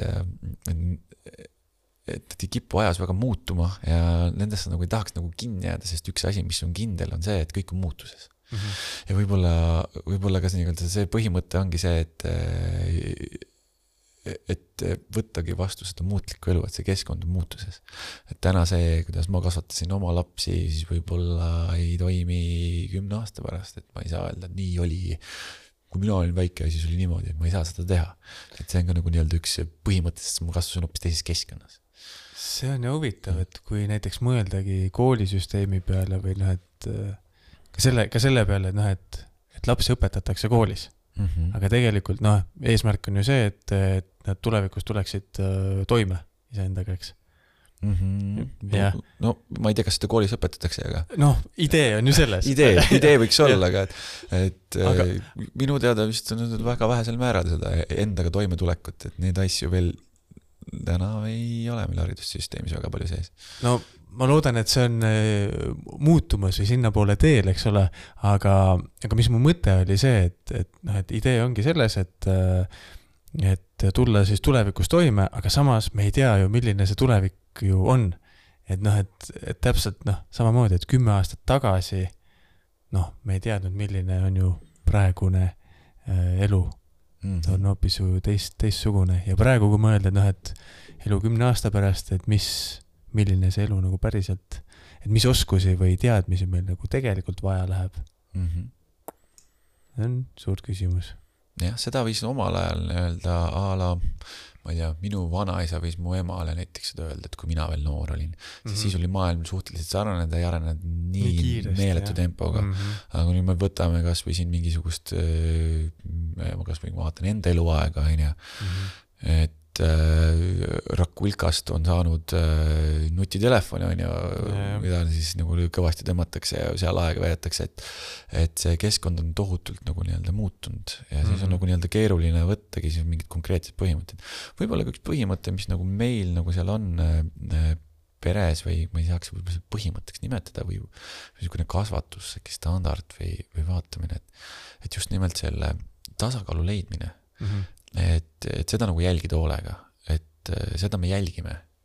et kui palju me peame sekkuma olukorda, sest mõnikord kipume liiga varakult sinna sekkuma, Mhm. aga siis me võtame jälle selle lapselt selle kogemuse ära. või et kui me liiga passiivseks jääme, siis on nagu nii-öelda teistmoodi. et mul käis siin üks päev üks öö, sõber öö, külas koos oma kaasaga, kellel nagu nii-öelda väike, peatselt kaheaastaseks saav laps Mhm. ja, ja tema on nüüd siis jõudnud siis maailma avastamise punkti, kus ta siis nii-öelda saab aru, et tema tegudel on mingisugune reaktsioon järgneb. Mhm. ehk siis ta keerab käkki Jah. ja vaatab nagu emale otsa, võtab mingi a la, ma ei tea, mingi lillepotist mulda ja paneb põrandale ja siis Mhm. vaatab, mis nagu reaktsioon tuleb, ta saab ju tähelepanu Ja, ja, ja. ja, ja, siin nagu ei olegi vahet, mis tähelepanu see on, onju. Mhm. ja, ja siis on mõlemad vanemad, et kuidas me siis nagu sellele asjale peame reageerima, et tahaks nagu esimene laps ka, et tahaks nagu printsessi peale nagu häält tõsta või, või seda nagu nii-öelda toimetada, aga aga tegelikult seal kohal hakkabki nii-öelda see piiride seadmine pihta et eh, kui see, kui sa sellel väiksel lapsel piire ei sea, siis on tema jaoks liiga palju seda maailma, sest on kogu maailm on tal käes. Mhm. et tal, tal on vaja, et ta ei kukuks kuskilt üle ääre, et, et kuskil, kus kohas see nagu turvaliselt tundub ja teinekord ongi selleks vaja seadagi siis nagu seda, kas sa siis tõstad seda häält, oled konkreetne, et äh, ja noh, minagi kui häält tõstan, siis ma selgitan tütardele ära, et see on nüüd see koht, kus ma olen konkreetne mm, -hmm. et lihtsalt äh, need teised meetodid enam ei toiminud mm. -hmm. ja, ja et mul ei ole vaja öelda oma seda soovi või käsklust äh, kodus üle kolme korra. Miks ma pean seda tegema, et, et see on nagu, ühelt koolituselt sain hea näite, kes seal Gustav Adolf oli ja ütles, et äh, et kui käsu täitja ei täida käsku, siis see on Mhm. käskija viga Mm -hmm. ja siis ta tõigi hea näite sellest, kuidas nagu nii-öelda koolis eh, oli, ta käis ühte kooli nagu külastamas, ta on terapeut ka nagu onju Jah. see õppejõud käis kooli külastamas ja, ja siis ta nägi, kuidas üks eh, väike tüdruk siis oli seal klassiruumi otsas ja siis noor õpetaja ütleb, et noh, a la Mari onju, palun Mari, tule sealt eh, laua pealt alla. -hmm. Mari, palun tule laua pealt alla, see on ohtlik, Mari, tule ja niimoodi kümme korda järjest Mm -hmm. mis Mari, mis teid sooja külma sellest, ikka seal trillala-trullala. siis tuli üks vanem õpetaja sisse. Mari, tead, et laua peal ei olda? tule alla, kohe. aga mis see erinevus siis oli? erinevus oli selles, et äh, see vanem õpetaja oli seadnud piirid, tal olid juba nagu nii-öelda, tal oli konkreetsus. mm -hmm. ja mis siis nagu nii-öelda sellele lapsele juhtub, on ka see, et nagu nii-öelda selles pere hierarhias tihti nagu nii-öelda lapsed võivad mind nagu üle võtta. Mm -hmm. võt-, võtavad selle nagu nii-öelda vanema selle rollile. noh, seal oli üks teine lugu oli ka, et kus, kus siis äh, üks perekond oli hädas sellega, et noh, mees käis küll tööl, naine ei käinud, onju, et niisugune natuke jõukam pere, et polnud nagu sellega probleemi, aga see naine siiski soovis nagu nii-öelda oma asju ka teha ja tütar oli juba nelja-aastane ja siis, kui ta jõudis sinna nii-öelda terapeudi ruumi, siis äh, äh, terapeut rääkis, tere, et nii, minu nimi on see ja see, et kuidas sinu nimi on. ja siis tüdruk vaatas emale otsa, ütles sellele tädile, et minu nimi on no a la Miia onju, minu nimi on Miia. siis terapeut, ahah, et hakkas juba nagu vaikselt saama asjale mõelda. Okei okay,, tere Miia, et, et meil on siin päris palav, et sa tulid eh, talveriietega, et võta seljast ära. Miia vaatab emale otsa, ütle, et mul ei ole palav. ja. Miia, tule istu näed siia, näed, siin on mõnus tugitool. siis Miia sinna läks sinna tugitooli taha ja on seal, onju, vaikselt. ja eks nad niimoodi vaikselt niimoodi rääkisid, kuni mm Mhm. -hmm. siis tüdruk see ligistas ja kõik juba vahe, onju. ja siis vaatas, näed, jama on jah, et ma ei saa nagu nii-öelda lasteaeda teda viia, et ta, ta tahab kodus olla. kuidas nelja-aastane laps Mm -hmm. ja nüüd ei lähe lasteaeda? Et te, te olete vanemad ju kuidas te nagu ei saa seda asja paika, onju. ja nelja-aastasel lapsel on juba praktiline maailmavaade ja arusaam, ehk siis praktiline mõtlemine. ja mis meetod seal nagu nii-öelda aitas, ongi, et te võtate selle lapse kalendri juurde, näidate, see on kalender, siin on mm, Mhm. -hmm. need, need on lasteaiapäevad. ja nüüd me tõmbame nendele päevadele punased ristid, kus sa pead kindlasti lasteaias olema Mm -hmm. et kus on emal-isal tegemisi, et kus on meil oma asju teha. Ja ta juba saab aru, oskab nagu ette valmistada selleks, et eelnev päev, näe vaata, tule siia, vaata näiteks Miia, näed, homme on see ristikene, täna on see päev. no siuke, siuke eeltöö jah, et sissejuhatus. ja siis nagu hakkavad sealt ära minema ja siis nagu isa ütleb, et aga ukse peale, mis siis ikkagi saab, kui te ikkagi siis ka ei ole nõus nagu, et kui me siin praktilise mõtlemise asja oleme ära katsetanud. siis terapeut ütles, siis on niimoodi, et võtate selles pidžaamas selle lapse, topite selle kombe selga Mhm. ja viite selle lasteaeda lihtsalt. Ta karjub, röögib ja värgid onju, aga te panete piiri paika. Te näitate seda, et teie hoiate turvaruumi. -hmm. sest muidu, kui see laps ei kuula teie käsklusi, siis järgmine moment ta võib olla autotee peal, ta võib võtta selle kivi, visata mingisugusel jõmmil silma peast välja. sina pead olema vanemana autoriteet, Mhm. mitte autoritaarne, vaid autoriteet.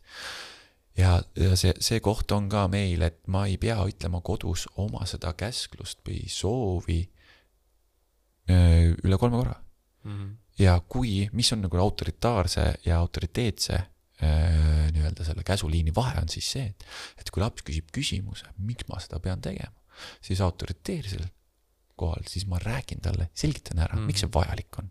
või juba olen eelnevalt ära selgitanud, miks peab tuba korras olema või, või mis iganes see asi on, on ju, mis mul parajasti seal, mis toimetamisel on või näiteks a la magamisega, on ju, et miks see nii on.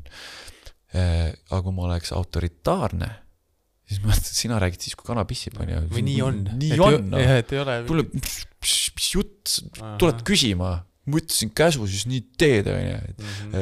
et see, see nagu ei ole tore, et see võtab lapsele õigused ära, ta tunneb ennast madaldatuna, alandatuna ja noh, eriti kui mul on nagu nii-öelda tütrekesed, siis täna ma tahan olla neile eeskujuks, millise mehe nad valivad. Mhm.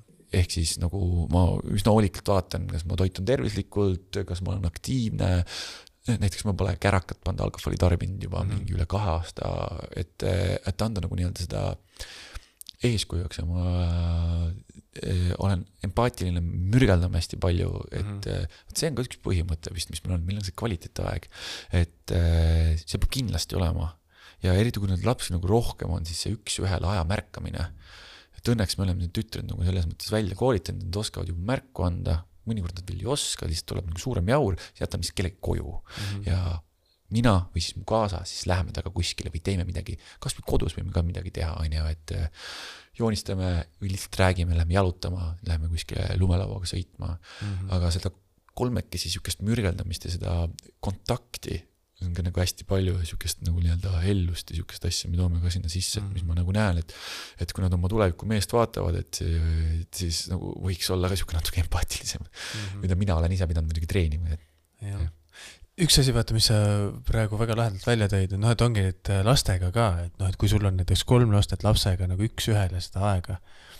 et mis ma ise praegu ära tundsin selle, mis sa oled ka, ma usun, et kogenud, et, et kui mul poja on ka praegu pooleaastane, et noh, et ja tütar just, et ema tähelepanu, et, et kuna nad on nagu nii pojaga suurem osa ajast nagu koos, et ongi noh, et, et tütar ka, et saaks seda ema, ema tähelepanu et mis on, mis on huvitav, et vahepeal nagu hakkas, et mingid sellised ilmingud võib-olla olid, olid, et noh, et, et aa, et ju noh, et, et noh, et kuidas ma ütlen sulle, et, et ta ka harjub selle olukorraga, et meil on veel mingi, mingi tüüp on meil veel siin nagu, et, et saada, et mingi olukord on muutunud ja siis saada ka seda, seda tähelepanu mm..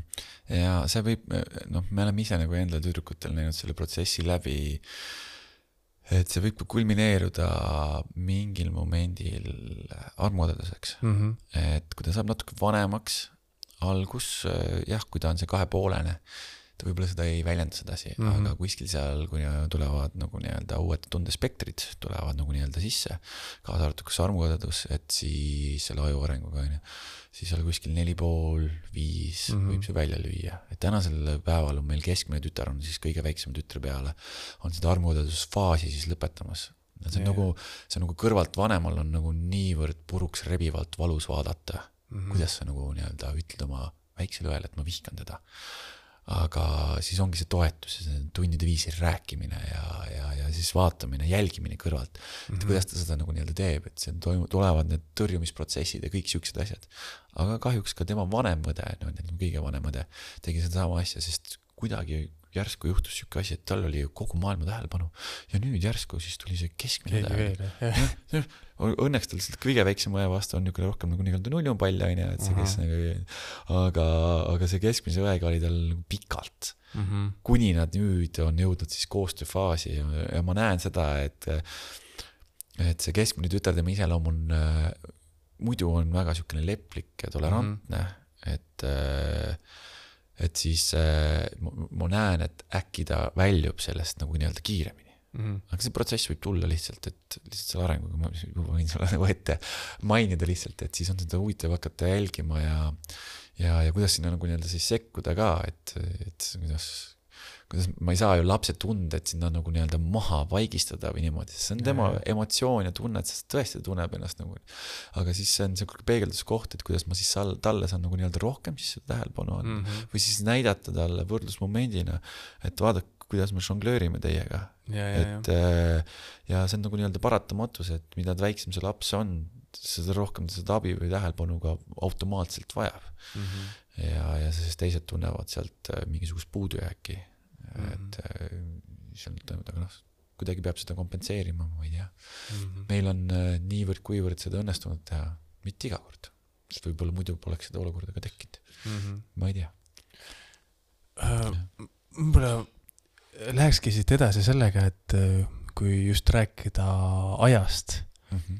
et kui siin noh, meil juba eelnevalt oli juttu, et noh, et kui palju nii-öelda lapsed võtavad aega siis äh, kaasa, et nagu äh, noh, suhet, suhet hoida endale aega, et kuidas äh, noh, kuidas, kuidas sina näiteks toimetad või et noh, et ongi, et, või et ongi teha mingid, noh, a la ongi, et see nii-öelda tööasjad ära si, siis äh, mingid isiklikud asjad, et seda nii-öelda topsi täis hoida. et ongi partnerile aega lastele. et äh, et kas sul on mi mingisugused omad nipid, kuidas sa, kuidas sa seda teed või kuidas sa seda jagad mm -hmm. või Mhm. mingid mõtted? et mul on selles mõttes, mõnes mõttes natuke keerulisem kui nagu nii-öelda a la, kui praegu mingisugune kui kuulab nagu nii-öelda inimene, kes käib kaheksast viieni tööl, on ju, Mhm. sest mina ei käi kaheksast viieni tööl, ma lõin endale ise endale sellise töökorralduse, et ma sisuliselt töötan nädalavahetustel. ehk siis kaks päeva nädalas on mul niisugune intensiivne tööaeg, aga nädala sees siis ma töötangi päevas äkki nii palju, kui ma tahan, et mm. -hmm. Teinekord võin neli tundi teha, teinekord teen kaks tundi. näiteks täna ma ei suutnud üldse midagi teha, sest ma tundsin ennast kuidagi natukene madala energiaga ja selle asemel hoopis käisin topsi laadimas, ehk siis tegin siukse kümnekilomeetrise jalutuskäigu mm. -hmm. Üsna libedas ja lürtsises ilmas. et äh, tegin hoopis selle, et nagu nii-öelda natukene mõtted seedida ja värki, proovisin küll forsseerida töö tegemise vibe'i peale ennast, aga ei tulnud välja Mm -hmm. ja, ja lasin nagu nii-öelda sellest lahti. aga jaa, ka kahjuks ettevõtja elus on ka sellised asju, et eriti kui sa algaettevõtja oled, et siis see läbimispõlemiskoht on äh, meeletult lihtne tulema, sest sul puudub kogemus, millal nagu nii-öelda alustada, lõpetada oma tööpäeva ja sul on sisuliselt äh, suurepärane võimalus äh, arendada oma ettevõtet ja värki kakskümmend neli seitse.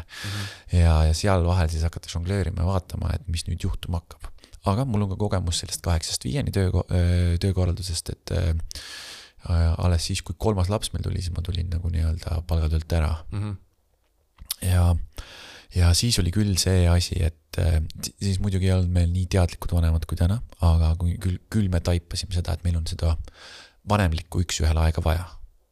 ja me juba varakult vaatasime, et meil oleks see tugistruktuur tugev, sõbrad, vanavanemad, Mm -hmm. tuttavad, lapsehoidjad, et kõik oleks nagu nii-öelda tagatud. Isegi kui see lapsehoidja sul tundub, et see nagu nii-öelda maksab sulle palju raha, on ju, ja, ja sa lähed veel pärast tollel õhtul näiteks, ma ei tea, kaasaga date ima kuskil restorani ja sul nagu oleks nagu palju kulunud. aga see, mis seal taga, tagasi toob selle pere harmooniale, on see on hoopis midagi muud. ja seda ei anna rahas hinnata ja ega ka ajas, et mis nagu nii-öelda kulus aga just selle ajaga žonglöörimine, et äh, kui need lapsed on väiksed, siis paratamatult äh, tuleb võtta seda aega endale. Mm -hmm. siis tekib sul energiaressurss, et nüüd võtta vastutus ja see usaldus võita kõigepealt oma naisel, eriti kui sa oled roheline vanem. ütledki naisele, et no ma ei tea, sul on kodus see kolmekuune laps, et äh, tead, ma lähen teen ise selle jalutustiiru näiteks seal lapsega. või et äh, võta need öised magamist nende peale või mine sõbrannadega, tee kohvi. lihtsalt Mhm. tee. Naine võib-olla alguses ei pruugi sind usaldada, sa ise ka ennast ei usalda, jääd ju koju selle lapsega. kui sa pärast nagu tõsisemaks, mul kolmas laps sündis, mul naine läks äh, koolitusele, mis kestis neli tundi Mm siis sa kuuled sealt lapse, kuule vahepeal tule tissi, muidugi ma olen siin, sõidan maja juures ringi, magab ju esimesed kaks nädalat, suffer onju, anna minna. see noh, siis sa oled juba, sul on skill nii suur, et sul on nagu juba Mhm. suva onju. ja et sa võid rahulikult a la, ma ei tea, lasta naisega kuskilt spaasse, kui sa oled lapsele õpetanud mingi ja teemad onju, et. aga noh, meil, meil oli ikka rinnaasi onju aga jah, mis seal nagu nii-öelda juhtub, et kui sa oled endale selle aja võtnud, sul tekib see energiaressurss, siis sa suudad anda naisele aega -hmm. ja see nüüd nagu selles äh, õnneliku suhte valemis on nagu või ma ei tea, kui õnnelik nüüd algus on, väga stressirohke, aga valgus paistab tunneli lõpus onju. see on muidugi minu enda isiklik kogemus ka, võib-olla kellelgi on trillala-trullala kõik see esimesed kaks kooma aastat onju. aga see on nagu niisugune hädavajalik hingamismaski pähe panemine siis, et see suhe püsiks ja siis, kui see laps on juba natukene vanem, on seal aastane on ju, ja, ja, ta ei pea olema seal tissi otsas või saab seal nagu lisatoitude asjadega kõik hakkama või, või siis ongi sul olemas need vanaemad, mingi usaldusväärne sõbranna, kellel on ka endal mingid väiksed lapsed või mis iganes, on ju, et sa, sa leiad selle inimese, kes tegelikult hoiab ja sa teed, teed pagan kasvõi kuus kahe nädala tagant oma naisega selle date'i või võtad siis noh, sest üks endale aega võtta on nagu nii-öelda lihtsam mm. Mhm. sest meie näiteks praegu kaasaga äh, äh, ja kui laps sai kaheseks, hakkasime päris palju võtma nagu nii-öelda seda äh,, seda nagu nii-öelda endale aega. ja me käisime kolinal muidugi suhtekriisis käisime ära, sest äh, kui kolmas laps ja kaheks sai, läks lasteaeda, siis ju tekkis ju see moment, kus äh, kus siis ju avastad, et energiaressurssi jäi üle, onju, et nagu last praegu kodus pole, et siis võiks nagu millegagi tegeleda ah,. Mhm. tegeleme suhtega, oi, see on jumala pekkis, davai. ja, ja siis see protsess nagu kestis, aga see, see andis jälle nii palju uusi häid ägedaid tööriistu ja kogemusi ja asju, et ja viis nagu järgmisele tasemele, et siis, et kui sul on ikkagi niivõrd palju nagu nii-öelda panuseid seal laual ja energiataset nagu nii-öelda lükatud sellesse mm. -hmm. sellesse peresse, onju, siis see ei ole nii, et ma tõstan kaabut, et sayonara, onju, et näiteks kui sul lapsi pole, et ma lähen vaatan, kus see noh, heas ja halvas nüüd hea sai otsa, et vaatan, kus järgmine hea on, onju. et, et see on nagu, see nõuab tööd ja, ja, ja, ja asju ja see žonglöörimine, tasakaalu leidmine. Mhm. sest noh, loomulikult ma ei saa nagu mehena ka võtta seda kohta, et ma olen nüüd kõige tähtsam, onju, ma, ma mõtlema nagu mingi šovinistlik, egoistlik siga, onju, et äh, tahate, et oleks normaalne vend, nüüd ma pean iga reede õhtu ikkagi pubis sõpradega käima, rämedalt palju piljardit taguma, onju, ja ja ma võtan seda aega, et siis, siis on nagu pere nagu hästi. ei, seal on vaja see tasakaal leida, et äh, enda naise ja laste jaoks, onju, et mm. -hmm. et kuidas, kuidas see käib ja, ja, ja, ja noh, täna mina nagu tänu sellele, et jah, ma ei pea kaheksast viieni tööl käima ja ma olen töökorralduse niimoodi pannud ja ei saa nagu nii-öelda kurta, et ma lihtsalt olen seda meelt, et mulle, et äh, mulle ei meeldi nagu mõelda, et ah, et siis kunagi tulevikus, siis kui mul kõik hästi on, siis ma hakkan elama seda mm -hmm. ei tulegi, see kogu aeg nihkub nagu edasi, et kui ma pensionile jään, et siis mul on aega kiiktoolis nagu eh, jalga kõigutada, aga nüüd ma praegu rabelen. aga ma tahan juba praegu elada, ma tahan juba praegu olla õnnelik, ma tahan juba praegu olla oma lastega nii palju, millal ma tahan. tuleb mõte, lähme spaasse, palun väga, kolmapäeval võime sõita kuskile spaasse, onju. ja, ja mu- mulle meeldib see elustiil ja no ma olen sellele loonud täna, et mulle meeldib seda, seda nagu toimetada, väga lahe. ja mul tekkiski praegu nagu selles mõttes seos või et noh, et, et just, et see aja nii-öelda panustamine üldse nagu perele või kuidagi mingi vanakooli mõtlemine, ma isegi ei mäleta, kus see, kust see tuli, aga ühesõnaga see mõte, et kus ka võib-olla meesterahvas või isa, et noh, et et sihuke suhtumine oli, et, et noh, et praegu nad on väiksed, et mida noh, et mida ma teen nendega nagu, et noh, et kasvavad suureks, et no siis, siis hakkame tegema Mhm. et noh, et siis mul kuidagi jooksis ka juhe kokku, ma mõtlesin, et mida sa siis teed nendega. et siis Mhm. sul pole nagu midagi teha enam, sest ta ei tahagi sinuga midagi, ei teki sidet. ei teki, ei olegi nagu mingit sidet jah no nendele papside tavaliselt ma olen pannud niimoodi lavakäega vastu kukalt mm, Mhm. -hmm. et wake up, värk üles. ja tegelikult on nagu lahe, et osad isad on ka ärganud üles mm Mhm. -hmm. ja teinekord isegi ennem kui hilja on, noh tavaliselt mm Mhm. -hmm. kui see puberteet on ja lapsel on iseseisvumisprotsess juba nagu väga sügavalt käimas, ega siis nagu sealt midagi nagu väga tagasi ei too, et, et nagu seal läinud lennuk. aga on ka ilusaid juhtumeid, kus on ka sealt tulnud mm.. ja, ja siis ma olengi nagu jah öelnud, et või andnud nagu nii-öelda ka nõu ja ma ei tea, imetamisnõuandla ja perekool ja sihukestes kohtades olen käinud ka rääkimas, et millal see isadusprotsess pihta hakkab. isadusprotsess hakkab täpselt sellel hetkel pihta, kui käis see seemnepurse ja kui põhimõtteliselt, kui see ikkagi tuuakse see kahe pulgaga rasedustest, et eh, sealt hakkab isadus pihta, see milline kaasa sa oled oma naisele raseduse ajal võib väga palju märkida või anda rolli sellest, milline laps sul tuleb. Mm -hmm. kuidagi kogu aeg tülitsete, olete närvilised onju ja siis loomulikult mõjutab, närviline laps ka tulla. sünnib see laps ära, millal siis nagu isadus pihta hakkab, samal momendil lõikadki selle nabanööri läbi, õpid mähkmeid vahetama, hakkad naist toetama. sest ma mäletan endal, kuidas ma, ma fännasin minu elu tota-, see oli kõige elu muutvam kogemus mul mm. -hmm. kui ma sain oma esimese lapse. midagi nii massiivset, midagi nii erakorralist pole kunagi enam juhtunud, vähemalt hetkel on ju, Mhm.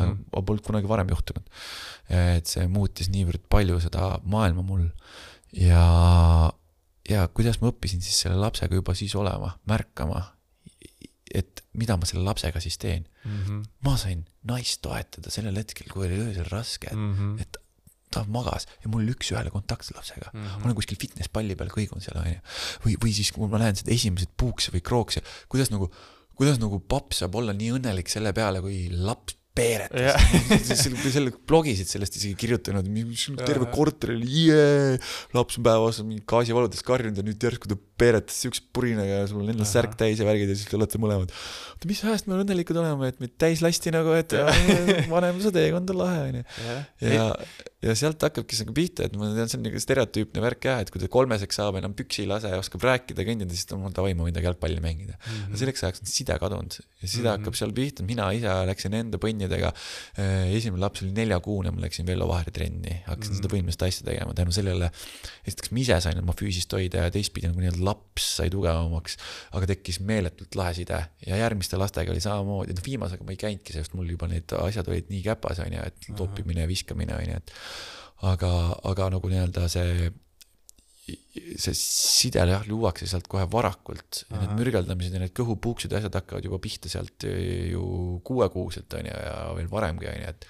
et kus ta nagu nii-öelda reageerib nende sinu nendele asjadele, see on mäng ja see nagu nii-öelda toimib, et mida saavad siis nii-öelda isad teha ja see loob sideme, et ma ise usun seda, et see isadusgeen on meis kõigis olemas aga ta on nagu nii-öelda kokku pakitud ja on seal talvunes ja seda on võimalik nagu nii-öelda ellu äratada erinevate meetoditega mm. -hmm. ja just läbi, üks võti võiks olla siis see mängumeelne sisemine laps, aga no kui sinu näiteks lapsepõlv oli niivõrd traumeeriv, et seal puuduski mingi rõõm või mäng või midagi siukest, et siis sellest kohast on nagu keeruline seda välja ja. tuua või on see, või on see maetud äh, äh, nii sügavale traumade kuhja alla, kuhja alla on ju, et ta ei saagi sealt talvunast ärgata, on ju, et mm, -hmm. et äh, ja neid kuidasmoodi nagu nii-öelda vabastada ja toimetada, et seal on oma, omad asjad, et see on case by case, kuidas mm -hmm. nad sa just vahepeal tõid välja selle, selle võimlemise ja kogu, kogu selle asja, et see, ma tean, et mina, ma käisin ka seal selles Pelgulinna sünnitusmajas on see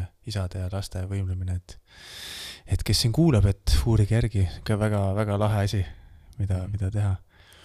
ja, ja teine asi oli, mis mul, mis mul siin meenus ka, et, et ka tütre puhul ja poja puhul ka, et mis ma enda nagu põhimõtteks olen võtnud, et, et see sihuke nagu, kuidas ma ütlen, rääkimine normaalse inimesega mm. -hmm. et noh, et ma kasutangi õigeid väljendeid, õig-, noh, et see on pudel, see on jalg, see on käsi, et ei ole mingid lallud kätud nagu mm., et, et noh, väiksest peale, et isegi kui, kui noh, ongi tütar veel ei, ei rääkinud, et ongi, vaatan otsa, räägime nii, nagu asjad on, selgitan, et et ongi huvitav, ma ei tea, kas see, kas see võib nii olla või mitte, et noh, et tütar noh, kahepooleselt.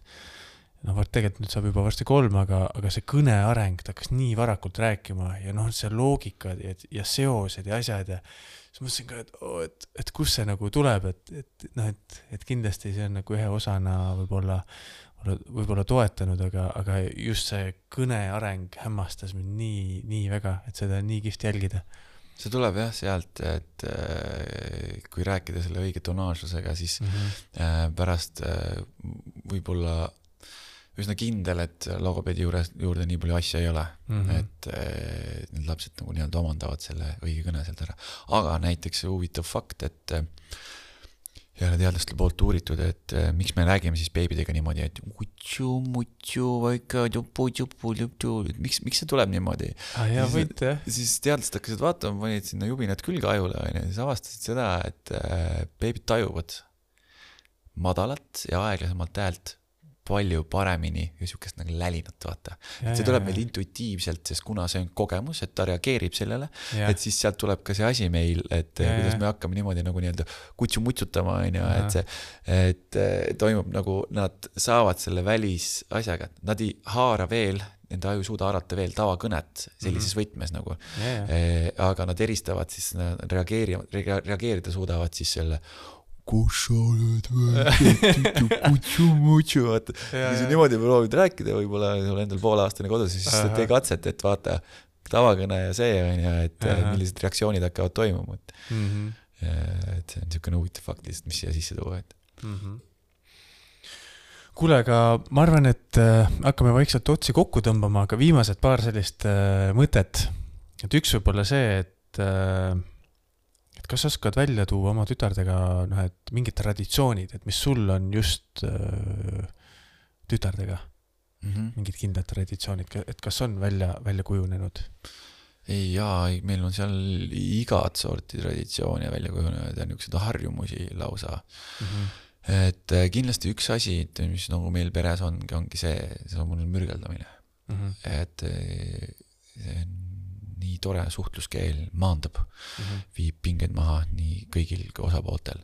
et see on kindel asi, siis on nagu niisugused, kui nad vanemaks saavad, siis tekivad niisugused tugevad peretraditsioonid. et mul kaasa on hästi tugev tähtpäevade pidaja. jah, mina ma unustaks enda sünnipäeva ka ära, ma mäletan ükskord sain pikki pead ja jalgu, kui läksin koju ja vaatasin, et kuidagi see tänavapilt on kuidagi kummaline, et kõik mehed panevad mingi lilled käes, et jah, kõigil on emadel-isadel sünnipäevad siis ja ma koju vaatan, uhuhuu, miks nii kurjad näod? Ja siis on nüüd naistepäev, ai, ai, ai, ai. et kui sul on ikkagi kodus naine ja kolm tütart, siis ei tasu sellega mööda panna, et see läks päris kurjaks see värk. aga jaa, mis nagu nii-öelda traditsioonid täna on, et eh, need erinevad need jõulud ja väljasõidud ja siuksed asjad, et need on siuksed nagu teatud rituaalid, mis on Jah. meil nagu kujunenud. ja nad hoiavad hästi tugevalt tänu nii-öelda emale ja no mind ka sellesse asjasse kaasanud. et ma noh, nagu see on nagu tore näha nagu kasvõi näiteks enne jõule, et kuidas toimus äh, niisugune päkapiku maailma loomine, et meil kodus teatud tegelane, et, et kuidas loodi sinna nagu, nagu altaritaoline asi ja kuidas päkapikuga suheldi, kuidas see nagu nii-öelda aitab õpetada neile seda moraali ja värki, aga see, rituaal, traditsioon või, või siis äh, koju kõndimine lasteaiast, et seal on ka Mhm. mingisugused teatud niisugused kombestikud või noh, niisugused rituaalid, meile meeldib öelda rituaal nende asjade nimed, et et kus me siis võtame päeva kokku või räägime, on ju, ja, ja käime ja kui me maal käime, siis see on nagu lahe, et ma alguses mõtlesin, et no nii, me oleme vendadega kasvanud ja mm. -hmm. tütred, et pekkis, no suur hobi siin kalapüük, noh, nüüd enam hobi ei ole, on ju, et need hobid ikka vaikselt kaovad ka ära, aga lihtsalt mulle meeldib selle ennast nagu nii-öelda maandada, et mis ma siis Mhm. teen tütartega. maale läheme, davai paps, anna meile ka spinningud, värgid, läheme paat Mhm. seal on ju, kohe ehitame metsas onne ja siukseid asju, siis sa näed, et vau, et see on kõik täiesti võimalik ja samamoodi mina saan nendega mängida nende nukkudega ja nende Lego Friends idega ja asjadega, et ja, ja siuke tore. ja siukene mõnus traditsioon tõesti, et mis meil on, et on eh, mürgeldamine ja koos mängimine, et seda ma nagu nii-öelda soovin, et see nagu nii-öelda jätkuks ka siis, kui nad täiskasvanud tulevad koju, me viskame selle monopoli aliasja sinna laua Mhm. peale ja meil on niisugune lahe pereaeg, et et kus me saame seal ja need mängud on nii vajalikud, et äh, õpetada lapsele toime tulema nende tunnetega, see kaotus ja, ja pettumustunne ja kõik siuksed asjad mm. -hmm. et neid ei tasu eirata. Peavad neid kogema, sest et täna millega ülikoolid tegelevad, on see, et kuna niivõrd palju on nagu nii-öelda seda curling või seda propellervanemlust olnud, kus lastel nagu pühitakse kõik need raskused teelt eest ära Mhm. ja siis noored jõuavad sinna ülikooli ja nad peavad nagu esimest korda ise hakkama saama, siis äh, see läbikukkumise hirm on niivõrd tugev ja nad ei suuda sellega hakkama saada, et siis on nagu nii-öelda, me oleme selle kogemuse käest ära võtnud, andes justkui ilusa lapsepõlve, et see on see Mhm. tasakaalukoht jälle, onju. aga noh, see selleks, nüüd me ühesõnaga, see juba läheb jälle kuskile lappama. ei ole hullu.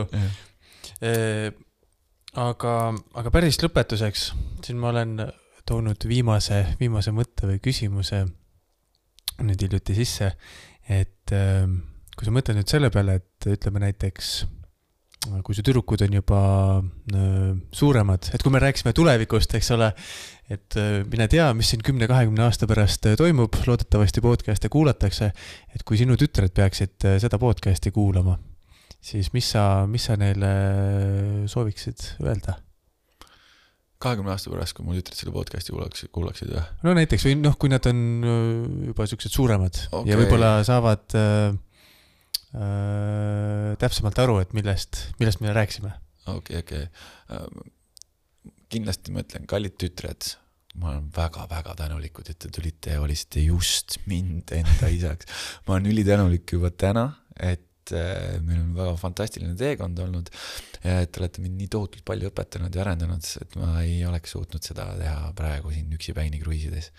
ja ma, ma usun seda, et äh, kallis kõige vanem tütar Meri-Mee, et selleks ajaks on täitunud sinu eluunistus, ma kunagi küsisin su käest, kui sa olid nelja-aastane, et kelleks sa tahad saada ja sa vastasid mulle, et sa tahad inimeseks saada.